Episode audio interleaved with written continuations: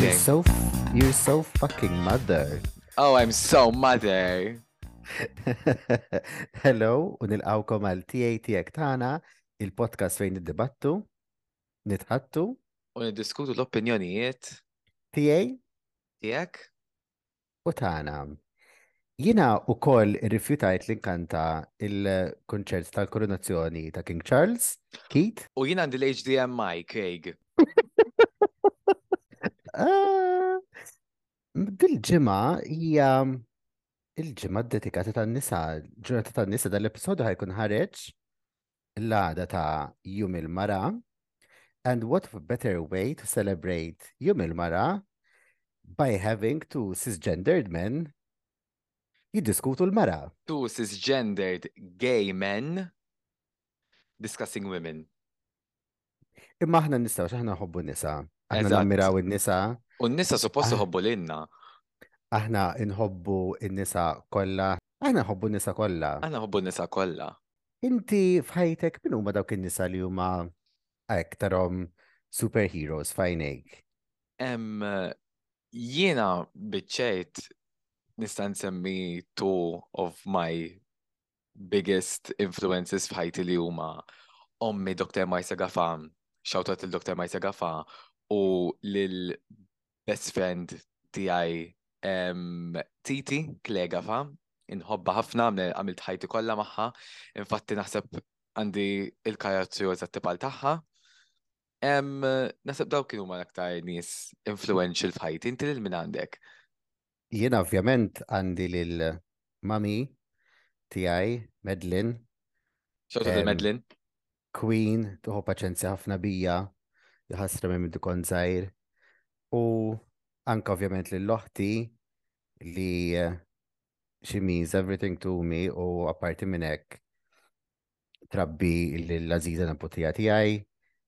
Ehm, eħe, imma ovvjament like throughout my life dejjem kelli close friends tiegħi nis għandi ħafna l-instan semmi mhux nsemmihom għax jekk ninsal xi ħadd narhom ġejjin jigirfu li għajnejja bidwiefer. I mean, I can say that my best friends are mostly women. Eħe. Shout out lilhom li tisimgħuna. Shout out il-bib tagħna kollha nisa, shout out il-nisa kollha li tisimgħuna. Eħe, dal-episodju għalikom. Dal-episodju għalikom biss. Imma sfortunatament il-mara mhux dejjem kienet apprezzata. from basically the very beginning of time, taking into consideration ir-reliġjon u l-Bibbja, nibdew badam u Eva fej skont il-ktib tal-Ġenesi, Eva ġiet maħluqa minn rib ta' Adam. So, already kien hemm dik l-idea li n-nisa huma inferjuri. Ekku. U anka hemm dik l-idea li n-nis li peress li Eve tempted Adam into the original sin, dejjem ir-reliġjon pinġit il-mara bħala oġġett u oġġett ta' dnub. Li di mbagħad spiċċat in later times, like in the 1600s, in-nisa ġew ukoll persegwitati by by the church for witchcraft. Għandek in at low. nisa bej wieħed u ieħor? No, teach me. Apparently, according to recent scholars, it is estimated between 60,000 to 100,000 women were executed because of they were accused of witchcraft. Oh, by the way, witchcraft tagħhom kien ikun li taf taqra. Jew ta' minna make-up. Jew li jisfnu. And they used to burn them at the stake. Burn them, kienu jarqu għam, kienem ħafna modi krudili fejn nisa kienu jiġu maħqurin. Mhm. U da kollu ġifiri just because they were women fil-verita. Well, it was de de depicted, I mean, even nowadays, but like it's been depicted that women were always supposed to stay at home take care of their child that the man gave, not the women that not the woman gave. So automatically, when these women, the women like, always give. Yes, they are give. giving. They give mother. Yo, their mother. They're also fucking mother. Where they were always depicted that women had to stay home, take care of the child, whilst the man always had to go work. And uh, when they went out of bounds, let's say, of this rule, they were, like we just said, they were seen as witches and they were eventually killed or burned at the stake, or in imsawti you can yeah flow on ġewwa. Eżatt, u il- um, um, basically daw il- daw il- ir-regoli ġew kollha kreati mill-patriarki minn ballarġil li they wanted to dominate society and dominate over women. Fun fact, um, taf minn fejġiet il- um, l-stereotype li witches ride brooms? Teach me. Basically, għaf l-antik dak iż-żmien kienu they used to carve um, sex toys and dildos from wood u mill-sticks tal-brooms u nisa li kienu jqabdu jużawhom they used to be executed as witches. U minn hemmhekk baqgħet l-istereotype li l-witches ride brooms. Look at her teaching us. did not feel history ta' those. Oh. Apart from hekk, um, women had always had to fight for their rights. They had to fight for the right to vote. They had to fight for the right to work. I mean, aħna as men we never had Daqsix I mean, as in mux aħna in this generation, għax ovvjament aħna we come from a very different generation. However, from the, in the 1800s, there were the suffragettes, um, li kienu grupp ta' nisa, uh, both in the UK and the US, li kienu jidġildu għal-vot. U basically waħda minnom, waħda mill-founders ta' dawn il-grupp ta' nisa, li kien jisima Elizabeth Smith Miller, kienet l-ewwel mara li libset il-qalzit fl-1800s. Beava. And I think, I mean, and we could fashion say statement. That fashion statement and a woman in pants looks so badass.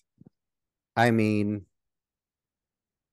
awesome, faqa. Il-ħagġa hi li għal-kem din ġrat fl-1800s, it only was popularized in the 1930s meta Catherine Hepburn lipset qalsit she refused to wear skirts for a movie and she wore pants in a movie.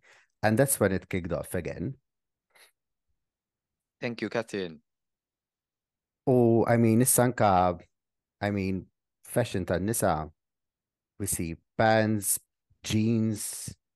I mean, at the end of the day, they're just clothes. They're Why just should clothes, clothes be gendered anyway? Exactly. Like, why shouldn't men wear skirts? We do wear skirts. We do wear skirts. Like I, I have a kilt. I have a pleather kilt. I have a really short skirt, like a leather one. Like which they're they, I don't think they should be gendered. I mean, at the same time, you can also mention that we as we as gay men, I think we we kind of look up to these women as well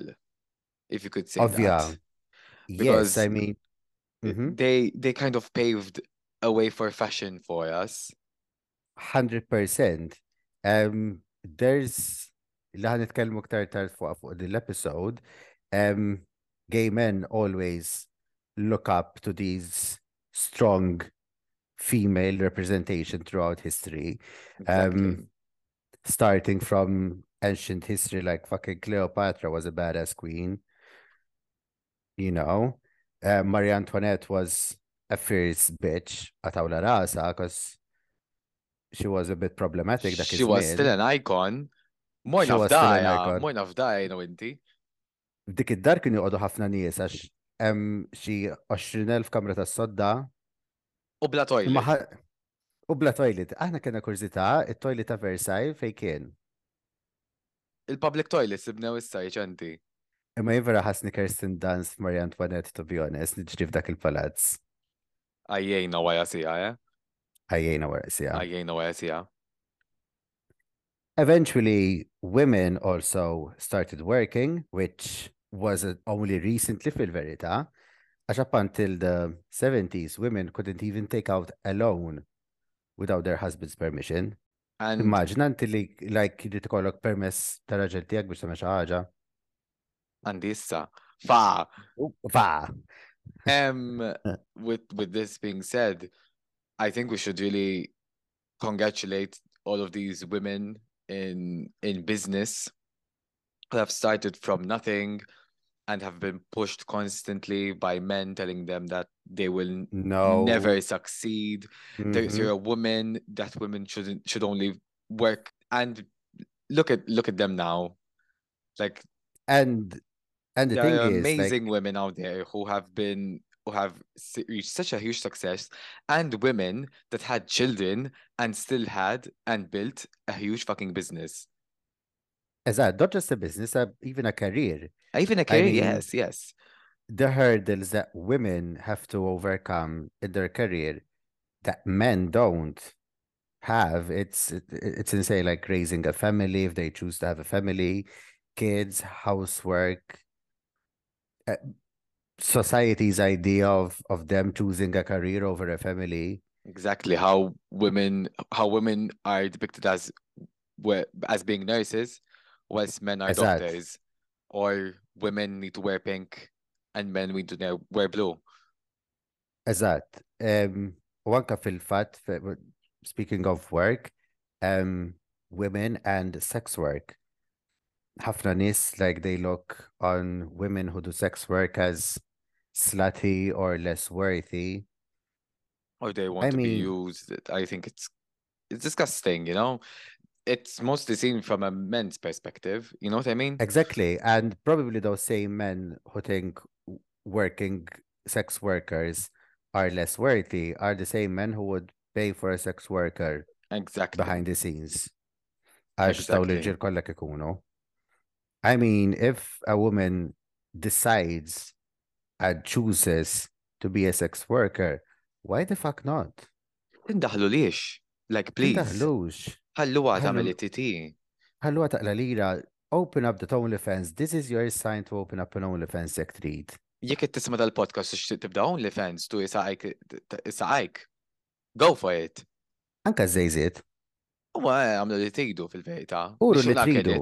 Nixuqna credentials għalija di imma. Eħe, fil-kastuna 10% mill-taqalaw. Jew shout out, waqt li ta' Jew shout out fuq. Iktbu iktbu iktbu underscore tiegħek tagħna. Saqaj. Ġem marker fuq saqajkom. Għamlu dan qari klab.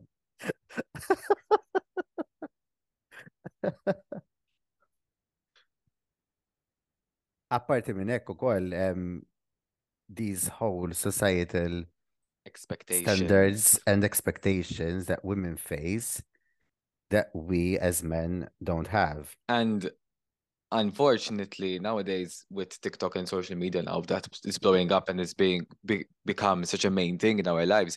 I think these young girls who are seeing all of these women, like even on the regular for you page, you know, they see them like bil-forsi tkun il-qi, tkollok xajk twil, tfajla bekk ħażin.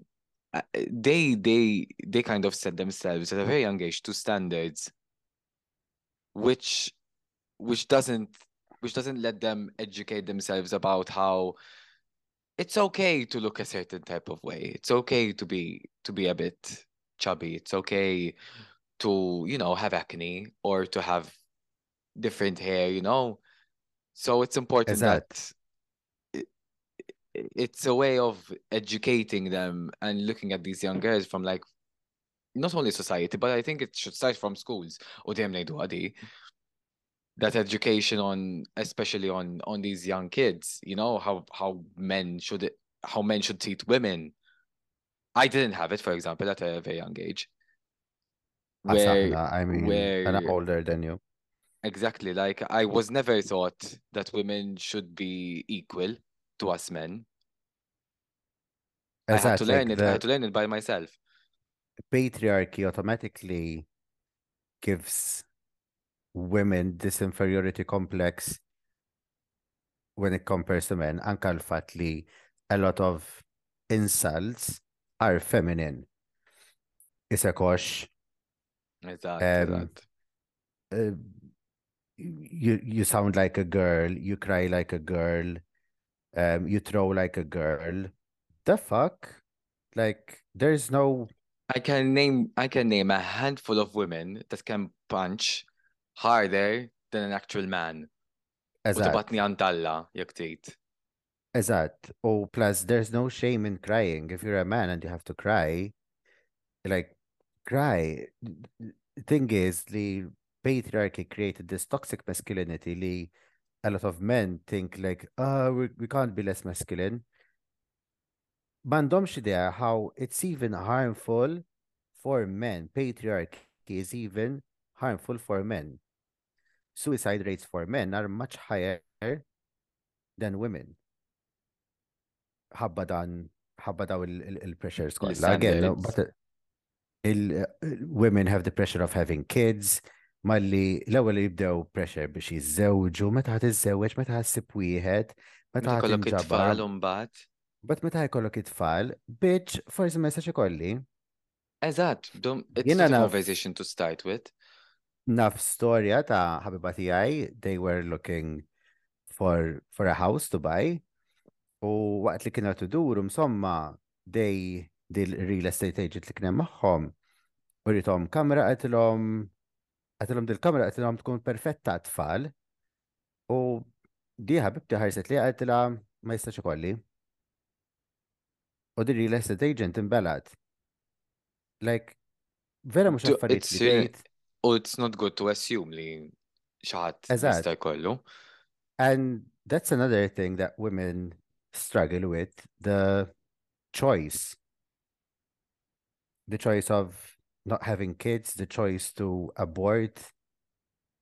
Um, um exactly. Għalissa Malta kena quite the uproar about the change in legislation about abortion for medical reasons, or mm-hmm. people went insane. What I don't agree with, and I I hope that many who are listening right now uh, agree with me as well, is I don't like how men um, uh, get to decide what a what a woman does with her body and no one in parliament i'm not saying this parliament but like i'm talking in general like why why does a man have to decide always have to decide on a woman's body as that i mean Gilly Reina panels for television they're discussing women's rights and it's just five men five five bold men Five aging fucking Old turtles. Men. Horny for women. looking men li probably l-om jraw mara.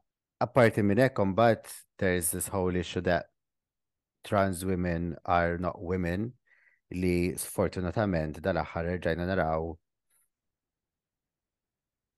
rise kbira in hate crime towards trans women, um, trans women in sports, trans women in bathrooms, like why should men or people in charge decide where trans women pee or whether a woman trans woman can compete in sports. I mean, imagine that mara trans تجري مع jail, like that would mentally break her. لا لا and I also wanted to speak upon how I think we talk we're talking about women in general, yet I believe that through these ages, black women have seen worse than white women. 100%, yes. And we can say in, in like communities where where if a black family had to move into a white community to white women, used to bully her or call her like you're not allowed to be here you're not allowed to sit around with us kind of who are you to tell me like uh, we, we pee the same fucking color we i'm saying exactly. we well, i'm saying we but like what's the difference you know what i mean and i think we've learned this i think you and me have learned this and even whoever is listening like we've learned because we read and we we educate ourselves Exact. Plus, moħna miftuħ to to learn. Um, since you brought up women of color, there's also the issue of, of women and certain religion, uh, specifically Islam, um, and the, their treatment of women. Um, up until last September, there was the killing of Masha Amin in Iran. fejn dil-mara tfajla in her early twenties ġiet maqtula mill-Pulizija Iżlamika għax derilhom li ma kienx libsa l-ħiġab sew. This caused riots and a revolution in the country li għadha d-dejja it doesn't seem like it's ending anytime soon. And I... Mux tal-li jek, tal-li they're poisoning women who are going to school. Exactly. And now they don't want women to learn. And it's ridiculous, you know? Why, why, why, why?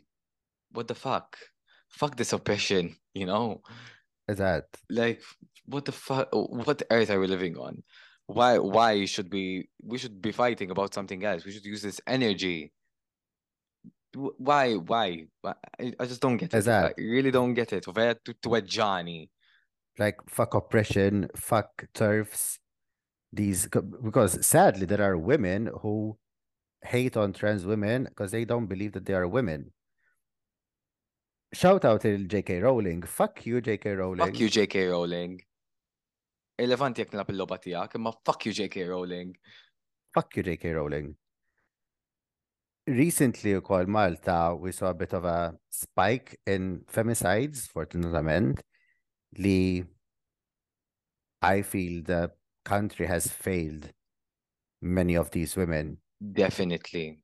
U imsiken, and I blame the authorities. Um, nibdew tal-ewwel tal-bidu ta' dis-sena ta' Bernice Kassar fejn l-autoritajiet ma ħadux azzjoni u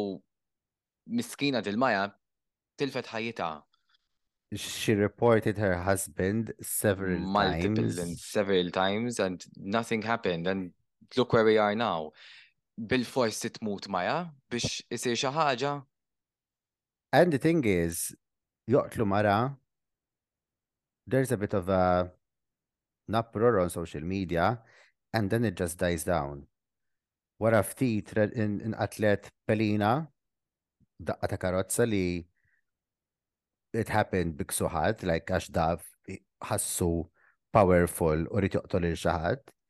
Again, da uproar on social media u nerġaw xej. Bernice, one of the things li għakat asmit l-qalbi minn ta' Bernice, fil- fil-qorti, I think it was her sister or her aunt li qalet kienet tgħid, kienet tgħidilhom il-familja tagħha, dan xi darba ħajoqtolni. She knew what he is capable of. And her voice waqgħu fuq widnej torox. And what I hate is that politicians always say ħajkun hawn, ħanamlu xi ħaġa fuqha and I haven't heard a single thing. They did pass a law on femicide, which is which was a first. Infatti da li qatel il-Pelina is the first man, I think, or jew raġel ta' Bernice. Raġel ta' Bernice kien. He was the first person to be charged with femicide. But that means jack shit if the police are not enforcing reports of, of domestic violence because it's too fucking late. We don't want people to be charged with femicide. We don't want femicide to happen. Literally. So if you know anyone who's going through any domestic violence and you need to reach out for help, there are a lot of foundations who help uh, women and NGOs. So try and reach out for help. Some of these NGOs, which I know of, which is for sure, is the Women for Women Foundation, who are out here helping women, um, taking care of them, um, giving them own therapy, kind of reach out, give donate. It's it's good to spread the word as well for people who do not know about these non-governmental organizations.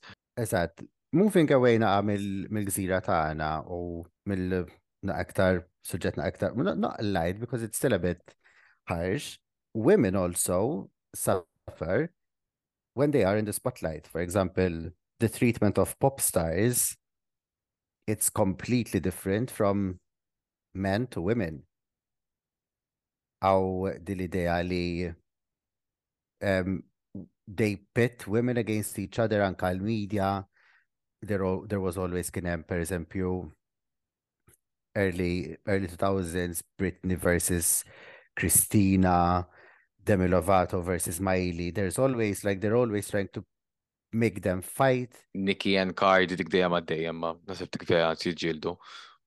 Ifhem, kienet garret la zarbuna, so dik naħseb vera. Imma again, like niftakar in the mid early 2000s, Janet Jackson had a wardrobe malfunction at the Super Bowl un kixfitila iż-żejza, which turned out to be um, looking at sarret apposta minn Justin Timberlake for P as a PR stunt. Li it backfired on Janet Jackson who it almost ruined her career. Same thing with Pamela Anderson and her sex tape, which was stolen from her. And Tommy Lee Jones was still considered as a fucking rock star, but she was the one losing opportunities to act. Um, il-conservatorship to Britney. Free Britney. had metal free Britney campaign tagħna. Again, but like still like the media is still obsessed with Britney. Like the way they treat Britney online, it's the way they treat Brit treated Britney like drove her insane. Like it was all the media's fault, like what happened to her. Speaking of pop divas and pop stars, we do adore women. And there's this thing, it's phenomenon ta' diva worshipping li we adore women in a crazy way, I mean il-fans tal-Popstars, l-Swifties, l-Arianators. Inti Arianator? Jien Arianator, she hates it, eh, ġifi, who calls, who call her themselves soy Arianator. She's like, I don't know who the fuck invented it, but I really hate it. But I love you all. U naqsem ikrah. Ħafna ikrah. hemm il-Katy Cats ta' Katy Perry u daw vera vera jġġieldu. U who are, who are the divas that you look up to? Jiena hemm ħafna I don't subscribe to one church. I am a, a member of multiple churches. Recently għandi kif xajt żewġ xamat minn eh, minn għand tfajla Maltija, I will Xera Paul St. Egrez, Wellman Alexandra, li basically daw ma xema ta' qaddisin, waħda Saint Cher u l-oħra Saint Kylie, ovvjament. Aħna saqsejna u kol milux lilkom, um, who is the diva that you worship, u kena ħafna answers differenti, kena mxaħat għal Tiffany Pollard, New York,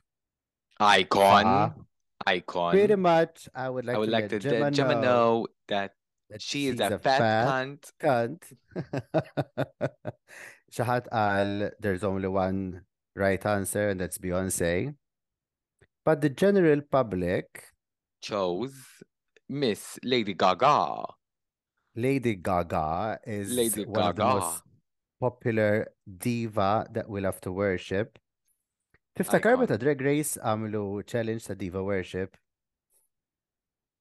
Eħe, actually, thank you for reminding me. That was, that, that, that was something. It was from season 11. U kellhom u keħen niftakru kellhom jeżu xaħat u għamlu u kien hemm grupp għal Mariah Carey ma kienux jafu xabdu jgħidu fuqha. Ma kellhom xi dejja minn Mariah Carey. Jiena some divas that I look up to. apparti Miss Ariana Grande, huma ovvjament Beyonce, diġa semmejnija, Lady Gaga semmejnija.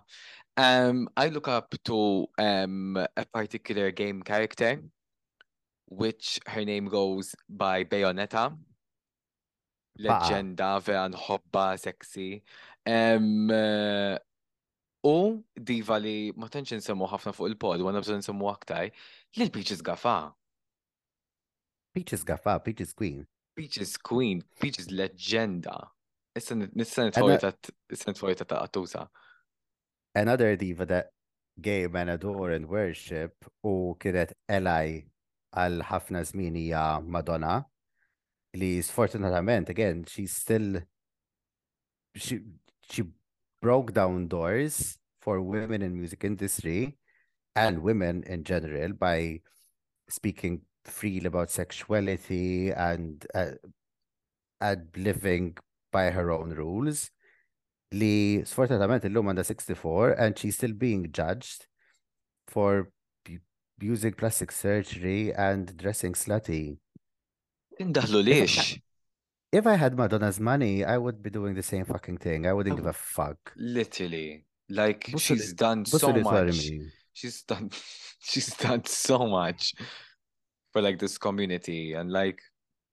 Without her, Kienet ta' intu kienet zaħir għalek bdiet di, like, let her be, she's 64 now, u ħallu għatam il-zob li trid.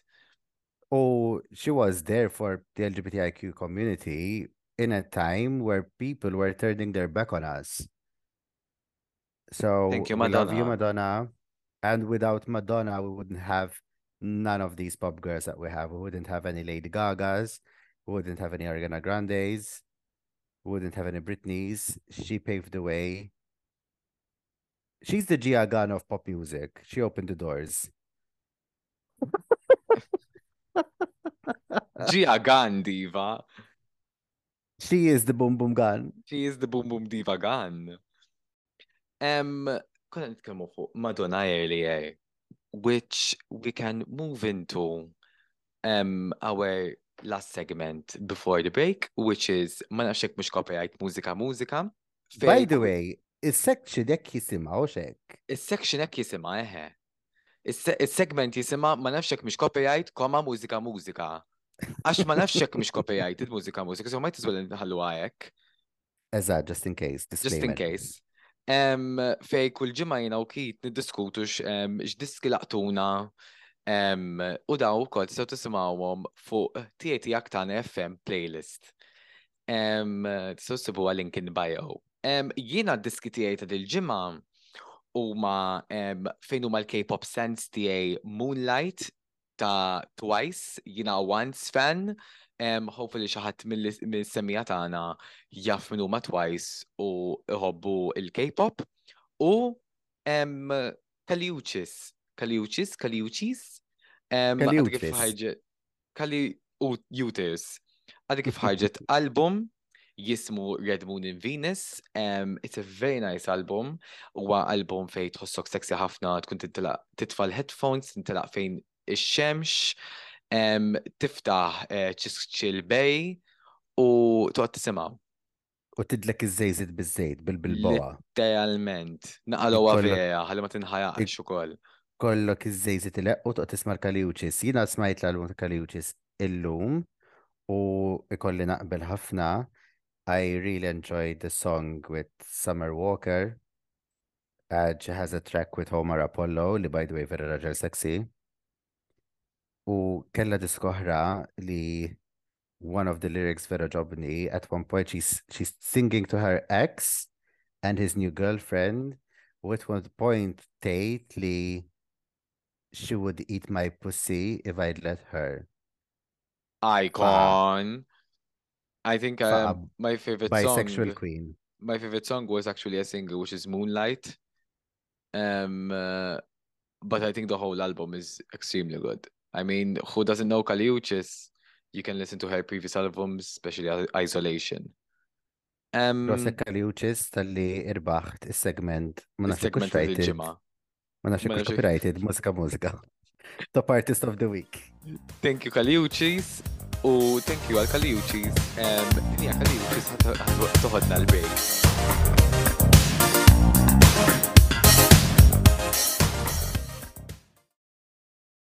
Inti għaw xinaqa 50-50? RuPaul Drag Race. Start your, your engine. Aħna mis nibdew inkantaw cabaret. Baj aħna inti biss. I mean, nista' nintilaq fuq pjano. Ja, kien indoq il-pjano. Imma indoq il-pjano. Imma indoq il-pjano bil-qiegħda saqajja. Part everything everywhere all at once.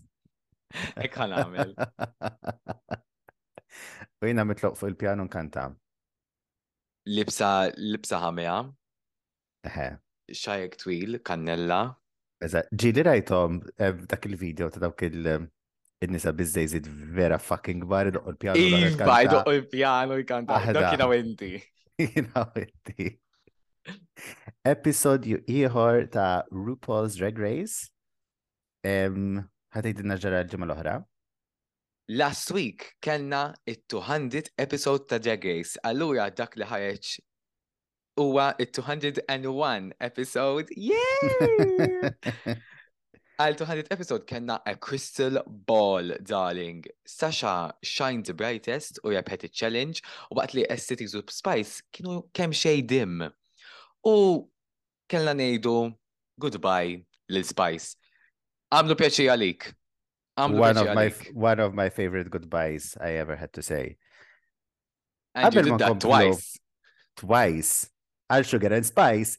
Hey! Um, Leia Hasra, I, I, I, I think they, are, they look very good. My problem with them wasn't that they look busted, far from it. Imma they weren't good for the competition. Apparti minn hekk, qabel ma naqbes għall-episod, nixtieq kollna ti shout out enormi il-ħafna nies li tisimgħuna u bdew jaraw Drag Race ħabba fina. Il-fri, aħna responsabbli għal viewership increase ta' Drag Race. So, RuPaul, ħat isma minn għanna, ħan ibatu l-ekitra bl-avukat, għax irridu ċek. Eżatt. Ma anyway. gvern. Daħlet, eh, bil-flus tal-fracking, please. Oh. U daħlu l-ura u sabu l-mirror message ta' Spice. I'm surprised li Spice taf tikteb. And she said, it's been so easy and so fun.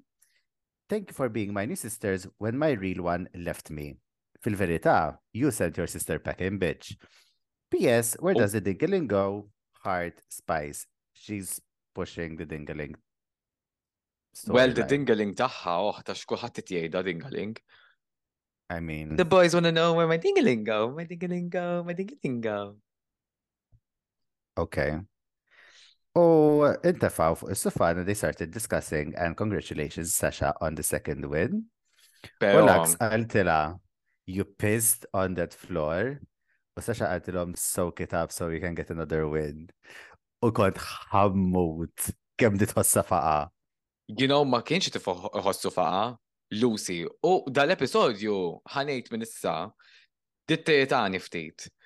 Lucy briet u qalet state of the bat li wa li għanda two wins. And I'm like, sorry, where did these three wins come from? U qalet li she won one main challenge and two mini challenges. Mela, min ħajdila li mini challenge mi xej?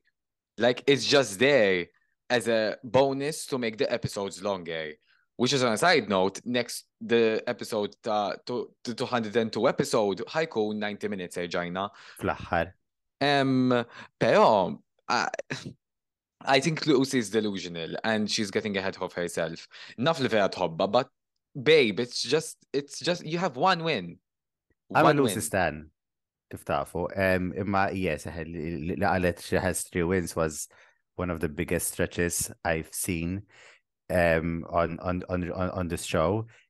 I don't think she's delusional. She's doing very well. So I, I, I think she's getting the Miss Cracker edit. Il-fat li they're like literally like teasing her like very closely we'll get to it. her the edit li she's a bit nuts. Mistress is um, Mistress's middle name, jekk għandha bżonn iżżid ieħor ma tlita li għandha should be gaslighter. Il-libba kemm inħobba. She's such a gaslighting bitch. U iktar tard um, niddiskuta how the tables turned għal dal-episode. But, eħe, il-fat li kull meta tiftaħ l-alusi mistri samil minn kollox biex tuqqaħħa nejk, it's funny in a way. It's funny, it's funny. Eh, jitlu l-għada il-Queens u għax ċans, għax ċans. Abel, sorry, rewind, għax ftakar f'xaħġa oħra. U koll, nisemmu li Marsha bdiet tgħid how she felt like she should have been in the top and possibly won. U kulħadd beda jidila eħe eħe vera nek raġun. Imma meta qalita Lucy għalawla l-ħara u literalment Lucy tant inħarqet għamlet xi ħaġa li konna meljen. Dar fuq misris qatila żobb mhux ħataqbdu magħha. U reġa' bdew jitqu biha. Miskina. Tad-daħk. I live for it. Eħe, imma jabdu naqa maħħa zzejet, jina jina Lucy Stenso. Ħallu għili. Nitlu kif kont tnejt, eh, il-Queens daħlu fil-workroom u għas ċans, ru għas laqqa daħal ru, għas laqqa Infatti, tant tant laqqa sawam ċans li laqs biex xuga mamma xara ġiet. Literalment, literalment. L-aks ħasbet li ħajkolla edit enormi, eh, dak il-naqaxaj, u bil-xugaman. Eh, meta kull ma jajnija 5 sekondi, għax da' sek twil dal-episod, imma insomma. Imma ju daħal għasna kif inti, xej, jħan bdew mal-ewel. Xej. Straight to work. Basikament għal dal-episod, il-main challenge kienet li ħajkollhom 50-50 chat show. 50-50 chat show. 50-50 ma tgħidlix. 50-50 dak int. 50-50 ma tgħidlix. Fej bażikament. Full 100%. Oh, eh. fuck. Basikament, il-Queens inqasmu fi gruppi, mhix inqasmu fi gruppi, ru qasamhom fi gruppi. Eżatt, għaltilhom dil-ġimgħa but you have no say, tindaħlux. Literalment. u um, it's spiegaw xini challenge very soon, but I think I was more excited for the runway, which, are, which was a night of a thousand Beyoncé points. Illi, spoiler alert, Liċitament, li kollu għal l spicċa runway Literalment, but like still. Um, uh, we'll get to it.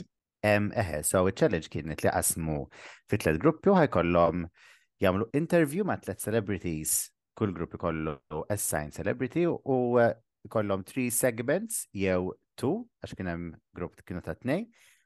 Um, like something like active, something um, sitting sit down interview u liħor waqt li qed isajru. u kenna lil Marxa Marxa Marxa u Sasha ħajamlu interview ma' Ċaro. Kuċi, kuċi! Anitra Lucy Malaysia kellhom um, I'm very sorry for them, lil Frankie Grande. Oh. I am I am still amazed how Frankie Grande and Ariana Grande came out of the same person.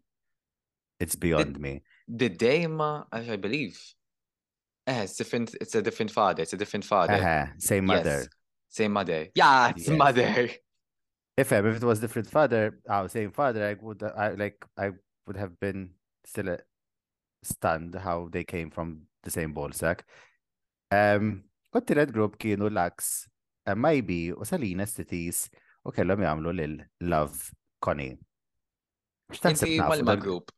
Inti mal-ma group se konti tkun. I would have wanted Charo, to be honest. I would have wanted to be on Sasha's and Marsha's, but I would have wanted Frankie Grande. Oh my god, no. Yes, I think I would have wanted Frankie Grande. Pero kju kelli l-ċurro, faqa, l-ċurro, em, kont kont indur fuqa bl-ikbar jispet, anke kont nitkellmu bl-Ingliż, kont indur fuqa bl-ikbar jispet nilla xi żoppet tgħid. U jkunu jidu jżommuha fuq l-edit. Issa ngħidu iktar x'ġara fil-challenge. U kellhom, by the way, dan kien il-challenge kienet live. So it was one take u l-Queens l-oħra jibdew jaraw x'inhu jiġri. U bdejna l-ewwel grupp li kienu Lux, Men in Black u Salina Cities. Doj, tatni deġa xtejdi li jek. Għax li nixri saħħa ma jbi u Bob the Drag Queen tajdi l Men in Black. Ettinna debo loħe, zeċ episod zilu. Eżat. Verda da. I think they looked great. I think Mrs. looks so camp.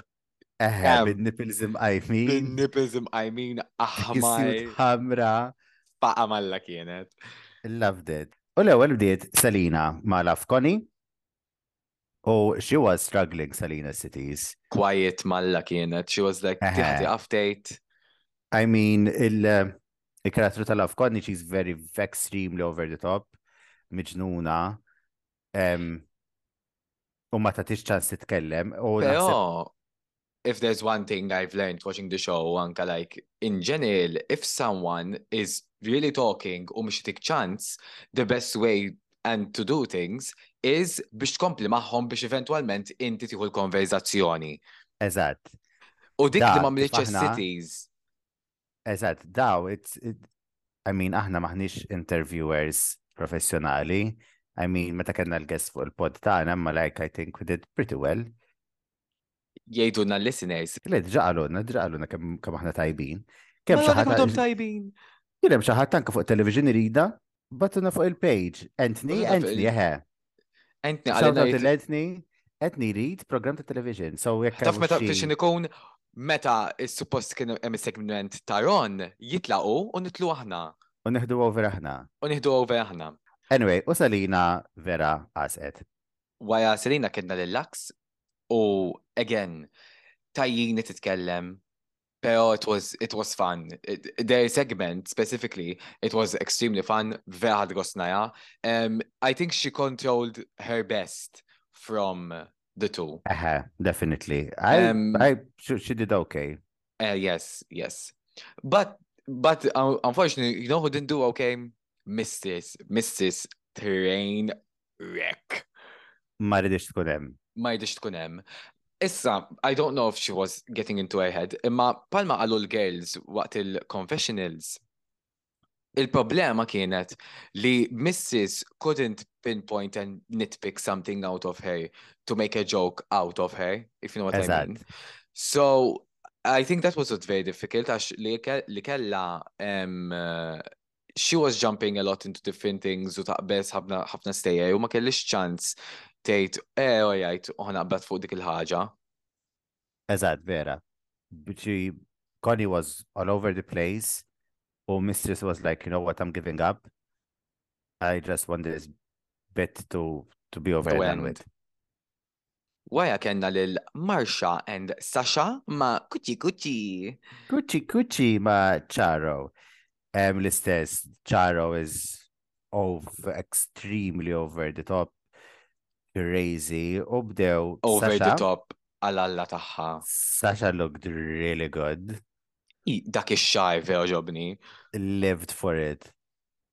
u bdew bis-segment ta' Sasha u Charo fil-kċina li għaj Sasha was amazing. At first she was struggling, but I think the turning point was when I let you know what, fuck it, I'm just gonna lean into the crazy u ħankompli maħħa.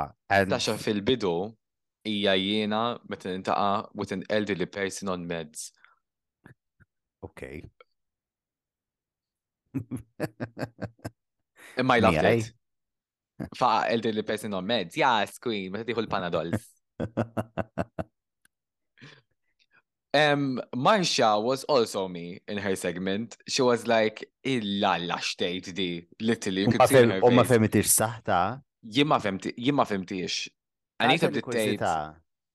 Aha.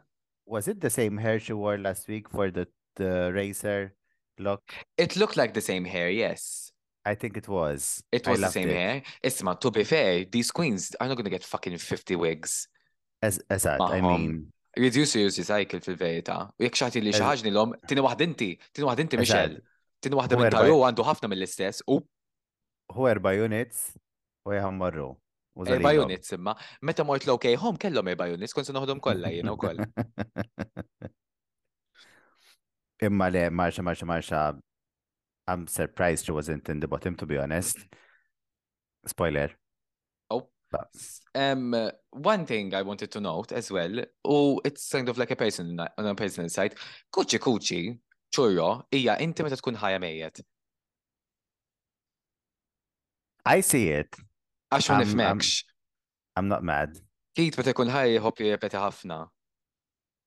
Ħafna. Ħafna.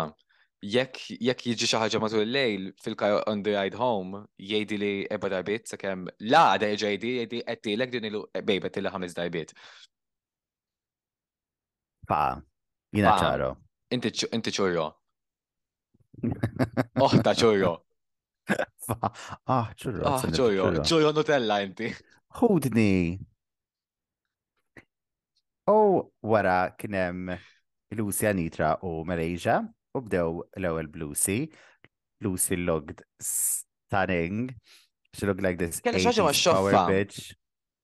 kella xi ħaġa ehm, on the top right side of her xoffa u fuq għalak kont nifoka jisa kella jisa kella xi daqqa pa meta ikollok ehm, lipstick u tmur biex tikol xi ħaġa maħruqa bħal xi biċċa eh. laħam u l-naqa maħruq tal-laħam jaqbad ma' xoffa u jeħel maħħa għax kollok naqa gloss hekk kella Lucy. Għandi konjek rajt fuq Twitter Mistress la bitila daqqa taħarta ġoħalqa. Oh, Mhux vera, guys. Kien ikollu daqqa ħafna kbar. Lucy kienet ma' Frankie Grande u naħseb she was the best one. She was engaging um, ma, ma, ma Frankie, Frankie's eh, eh, eh. very... She, she knew what she was doing. eh, and, uh-huh. she and was asking you can tell that she knows what she was doing because she said that back home she was a good host Eżat, host. i when she's doing her gigs, um, she said that she's a really good host, and I think uh, today was the episode where we actually see saw her personality mostly come through as that oh she was channeling like a young barbara walters like diane sawyer interviewer i she was brilliant anita was good as well there, there's not much points i did on anita because she Lashing. was just good she was like yes i'm here think i'll move it was uh-huh. like a normal chat you know who wasn't good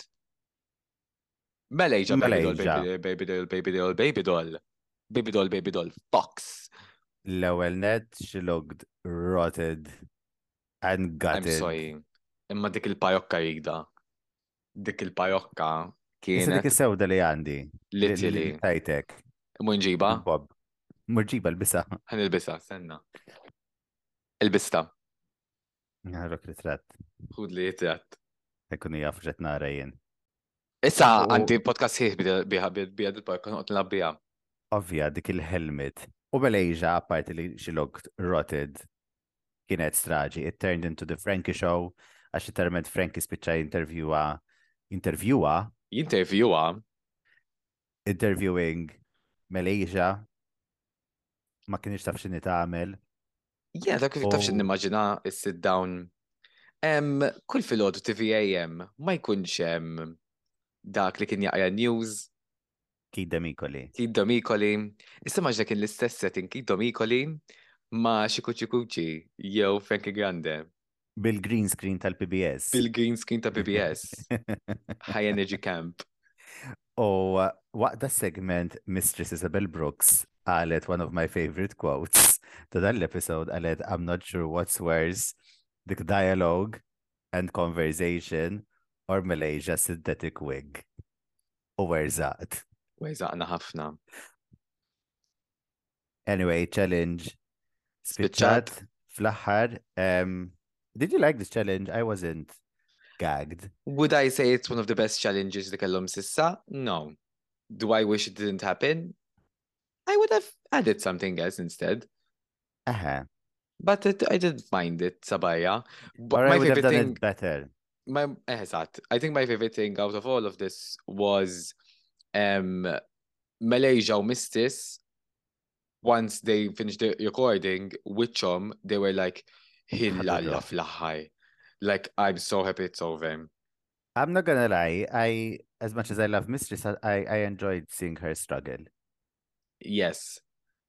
I like you know, seeing like, I like seeing fan favorites break. Uh, like I'm, I'm I'm looking forward to seeing like Sasha Colby Yo, struggle Lux. a little Ooh. bit. Oh Lux, oh Lux struggled already. Imma għandha bżonn għandha bżonna tinqasam. U tħanna lura u kellna naqa ta' Mirror Talk. U bdew jitkellmu fuq Beyonce u Sasha Colby qalet li eh, she has this conspiracy theory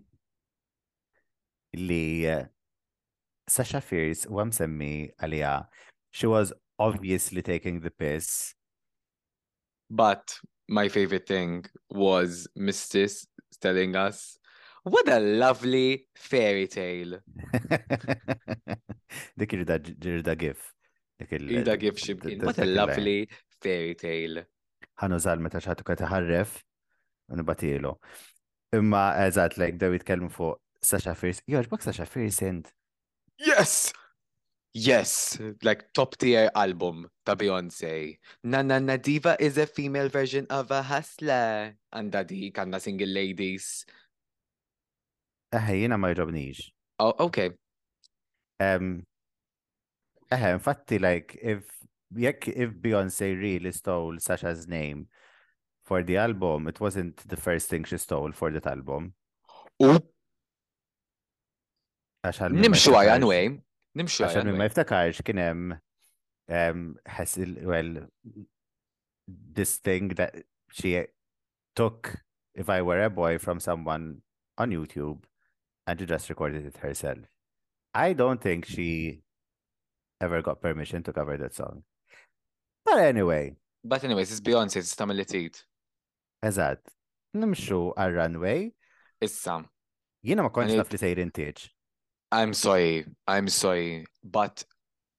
Bejbin, I am bored of RuPaul's dresses now. Di mhix l-ewwel darba li libsa din libsa u mhux l-ewwel darba li libes dak ix-xar. I'm a bit bored. Zoldi, step up your game, qed nippretendi li toħroġ b'xi ħaġa aktar differenti. You say this while you're sitting there b'jumper tal-iskawts, parrokka tan-nylon, jekk tqabbad sigarett ħdejha taħu n-nar.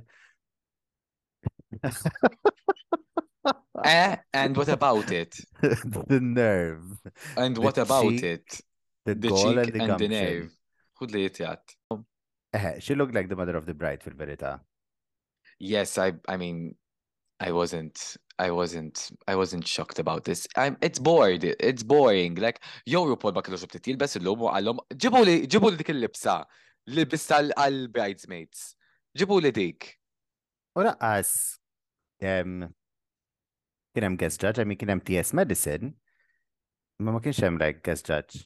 Like TS Medicine kemm darba ġiet. Eżatt, ma infatti li l-notajt zguwi hija li pers ma kienx hemm guest judge, RuPaul vera qal illum. Infatti jaħal, eh, eh, I wanted to mention later on, um, kem paċ bċet. U nibdew bi-runway. U l ħarġet Lux, and she did Beyonce when she performed at the Kennedy Center of Honors um, for Tina Turner. Bob uh, Mackey. I I loved it, but I think it was my favorite of the night. Yes, I have to say that it was my favorite of the night. I mm, I loved it. It wasn't my favorite of the night. Why Lux a little Mistis and Mama. That is what didn't land her in the bottom. Spoiler alert! But I think the comedy behind what she was wearing basically she came out uh, dressed as Destiny's Child, her being in the middle as Beyonce, and instead of having Kelly and Michelle, she had literally two puppets that looked like Kelly and Michelle. U kienet lesta biex tużom għal lip sync. Kienet lesta biex tużom għal lip sync. Kif kella ready to do so maħħa. Kella ready to do so u dawk il-puppets kienu ready to do so taħħa. Um, yes, she gave camp with the puppets. I don't think it was her strongest look this season. Yes. Um, her face looked gorgeous. She was painted. I didn't. I was. I, I. It was funny. It was scam, but I. I don't necessarily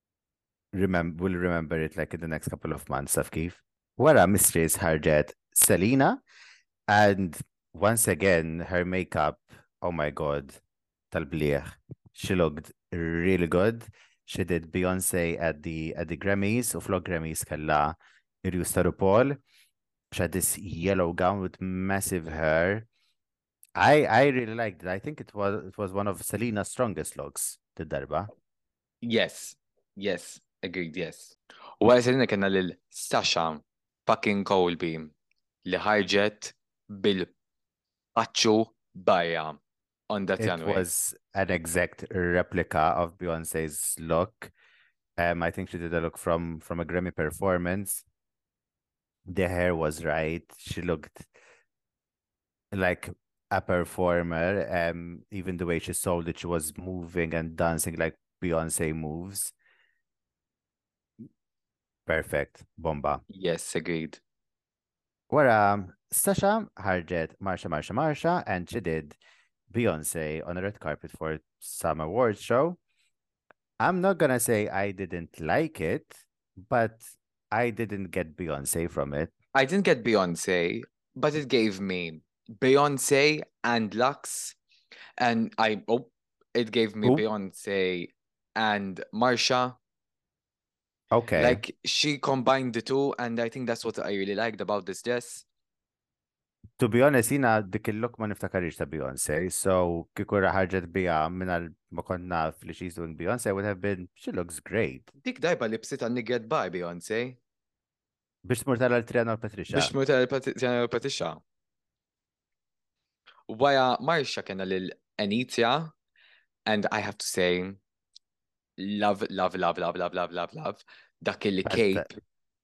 Wow, she, she, she gave us Beyoncé tonight. fantastic. She it was an an amazing recreation. It was an iconic Beyonce look. She did it from the under a look from the under tour. Um, I hated the boots. Kella dak il-booty sweat.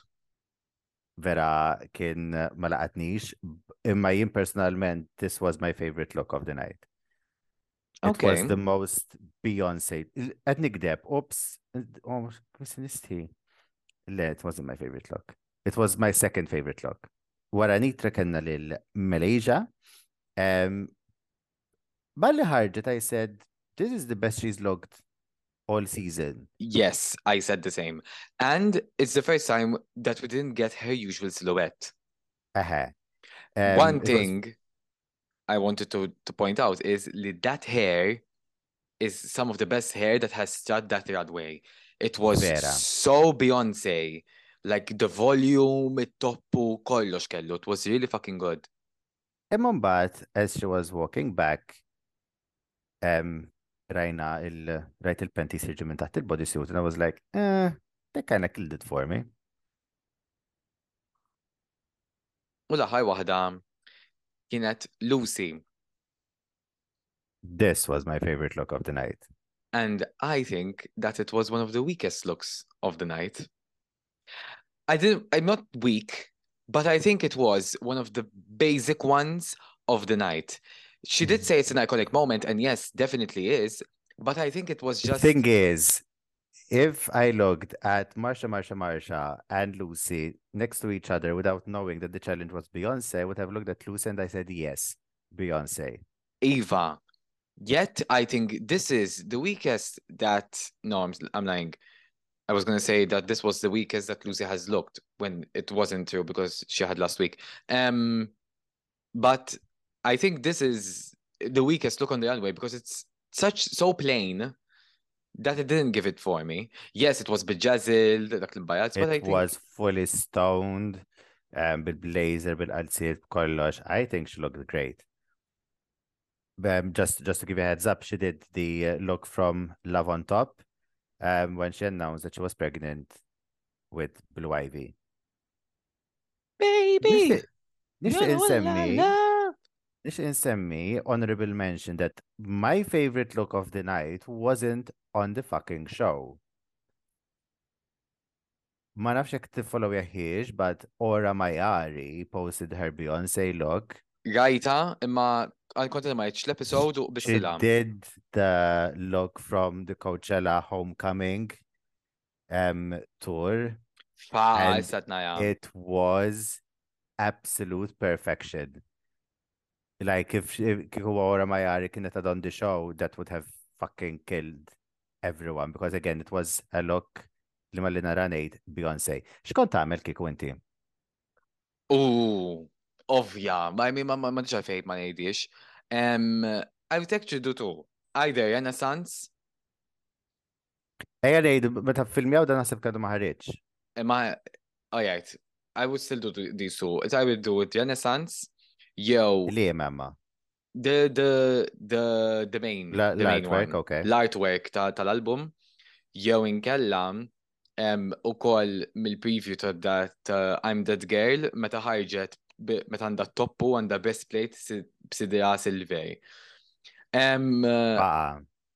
Imma għanna tejluk li kiku ma kon li li mhix qiegħda lek during that time biex niftehmu. Em, Jew jew ta' lemonade simili bħal ma Il-libsa għamlet. safra. Il-libsa safra ma Candy I did that. So Eħe. inti xkont għamel?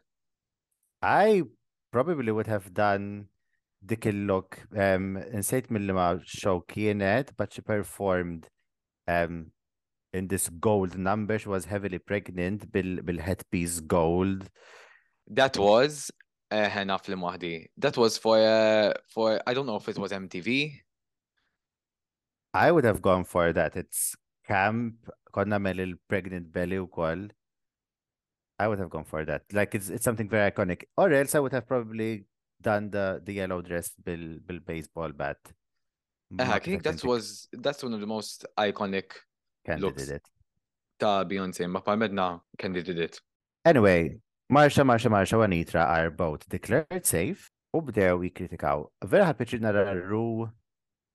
like ta' til input tagħha di darba like yes. she was she praised Lux's look.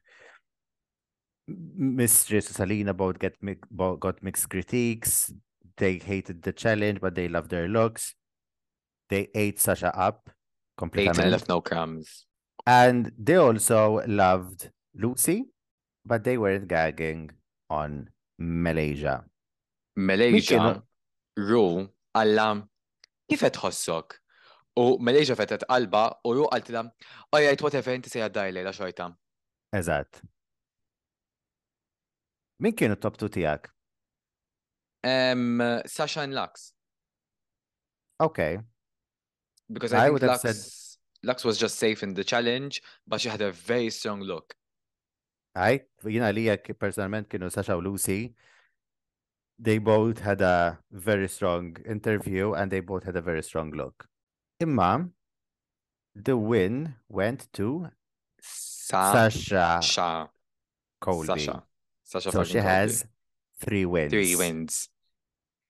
As she should. Mali, they declared Sasha as the winner. They panned to Lucy, looking pissed. Kelly flashbacks to Jan from season 12 in the Rusical. Aha, she was expecting it. I'm not, I think that Lucy deserved it more than Sasha, to be honest, in this episode. But I love Sasha, so I'm not mad. Yes.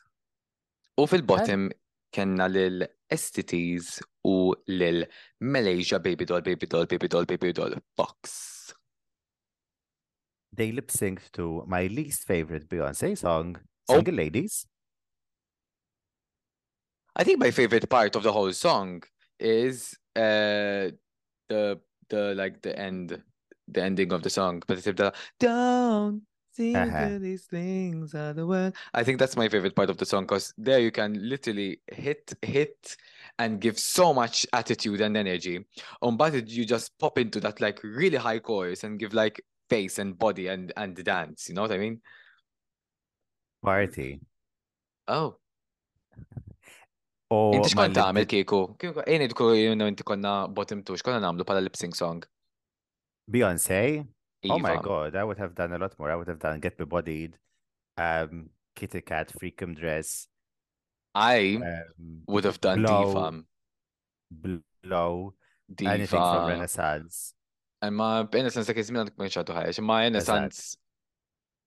Kont noqtlok what Alien Soup is, taj.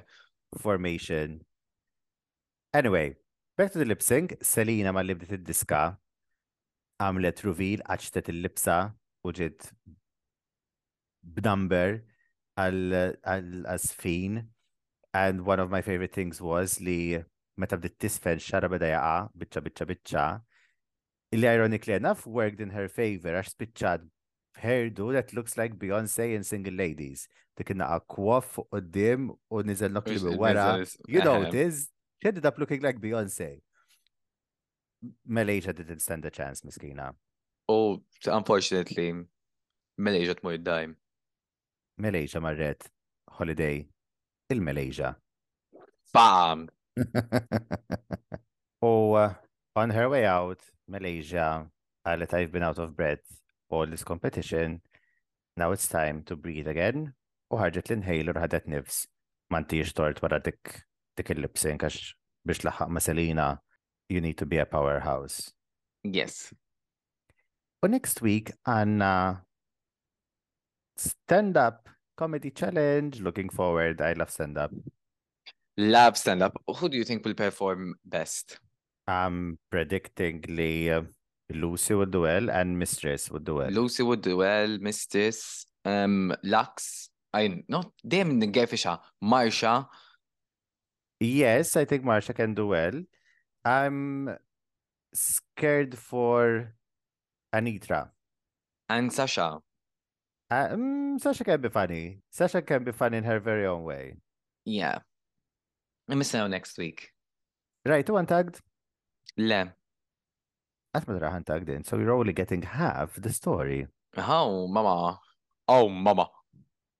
Um, ma ma ġara xejta barra minn Basically, uh, Mistress was getting mad at herself um, for landing herself in the bottom. And the tables have turned. Ashlus was being very nice to Mistress. Oh. When, uh, like, when Mistress was, like, putting herself down, Lucy there for Attila, but they really loved your look, Attila. They really enjoyed that look. So it was nice seeing Lucy being nice, but uh, when she was pissed, uh, so yes, that we have a new word it's called Lux' Luxfidence. Basically, Lux and her confidence are still a thing. And we got a video message from Lux's family. Oh, very big family. All of them are black. There was one white man in the middle. I have like I was very confused. I had the feeling little boyfriend Taha. Okay, now call session therapy session ma' Dr. TS Medicine. Daħlet TS Medicine tkellimhom specialment lil eh, Malaysia. I think the T for in TS stands for therapy.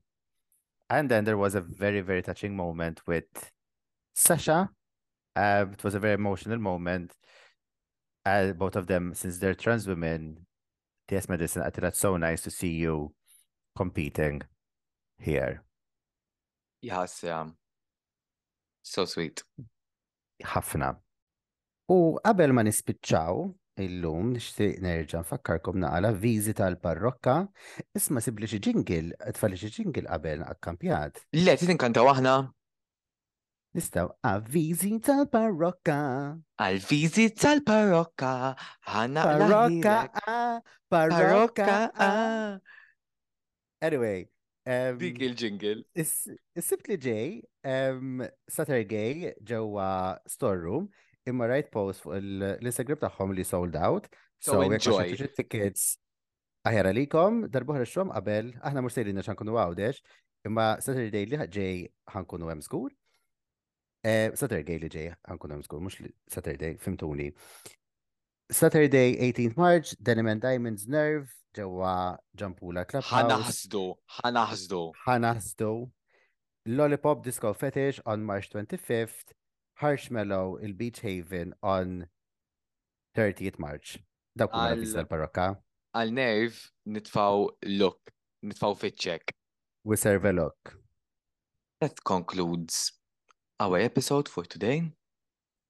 Ix-shift eh, ngħid illum. Ix-shift kien spiċċanna shift. Tinsewx tiffollow jawna fuq tijaj underscore tijak underscore tana fuq Instagram u kif ukoll tħallunna rating skont fejn tisimaw dan il-podcast dejjem 5 star u ħallu review ħalli tilaw il-fuq. Palma smajtu wkoll unfortunately podcast ma ġietx imsemmija pala waħda mill-awards tal Avil Malta Awards u dan huwa raġuni għalfejn bdejna l-podcast. Fa! Fa! Jiena li by default aħna rbaħna. Eh, by default aħna rbaħna. So, congratulate us, batunna, jidunna congratulations. Thank you. Thank you ħafna, ma kelkom xalfej. Pero, għan relevanti jekk ma kienx hemm aħna xorta ma nibqaw namlu podcast. Eżatt, xorta nibqaw namlu entertaining, xorta nibdaw nissaportjawkom. Anke kif konna listener wieħed. Eżatt, aħna aħna kontenti bli aħna bħatna sejjin, jina vera jina vera nħu gost dal-podcast. So I don't think an award should really set the bar for us, even though vera nixtiequ ngħibu award. Faqa. Ija, ija faqa. Tinsewx li dal-podcast joħroġ kuna ta' ħamis qabel it-TVM News ta' 8 fis-seba. Girl Power! Girl Power! Viva n-nisa fox li ġil! Bye!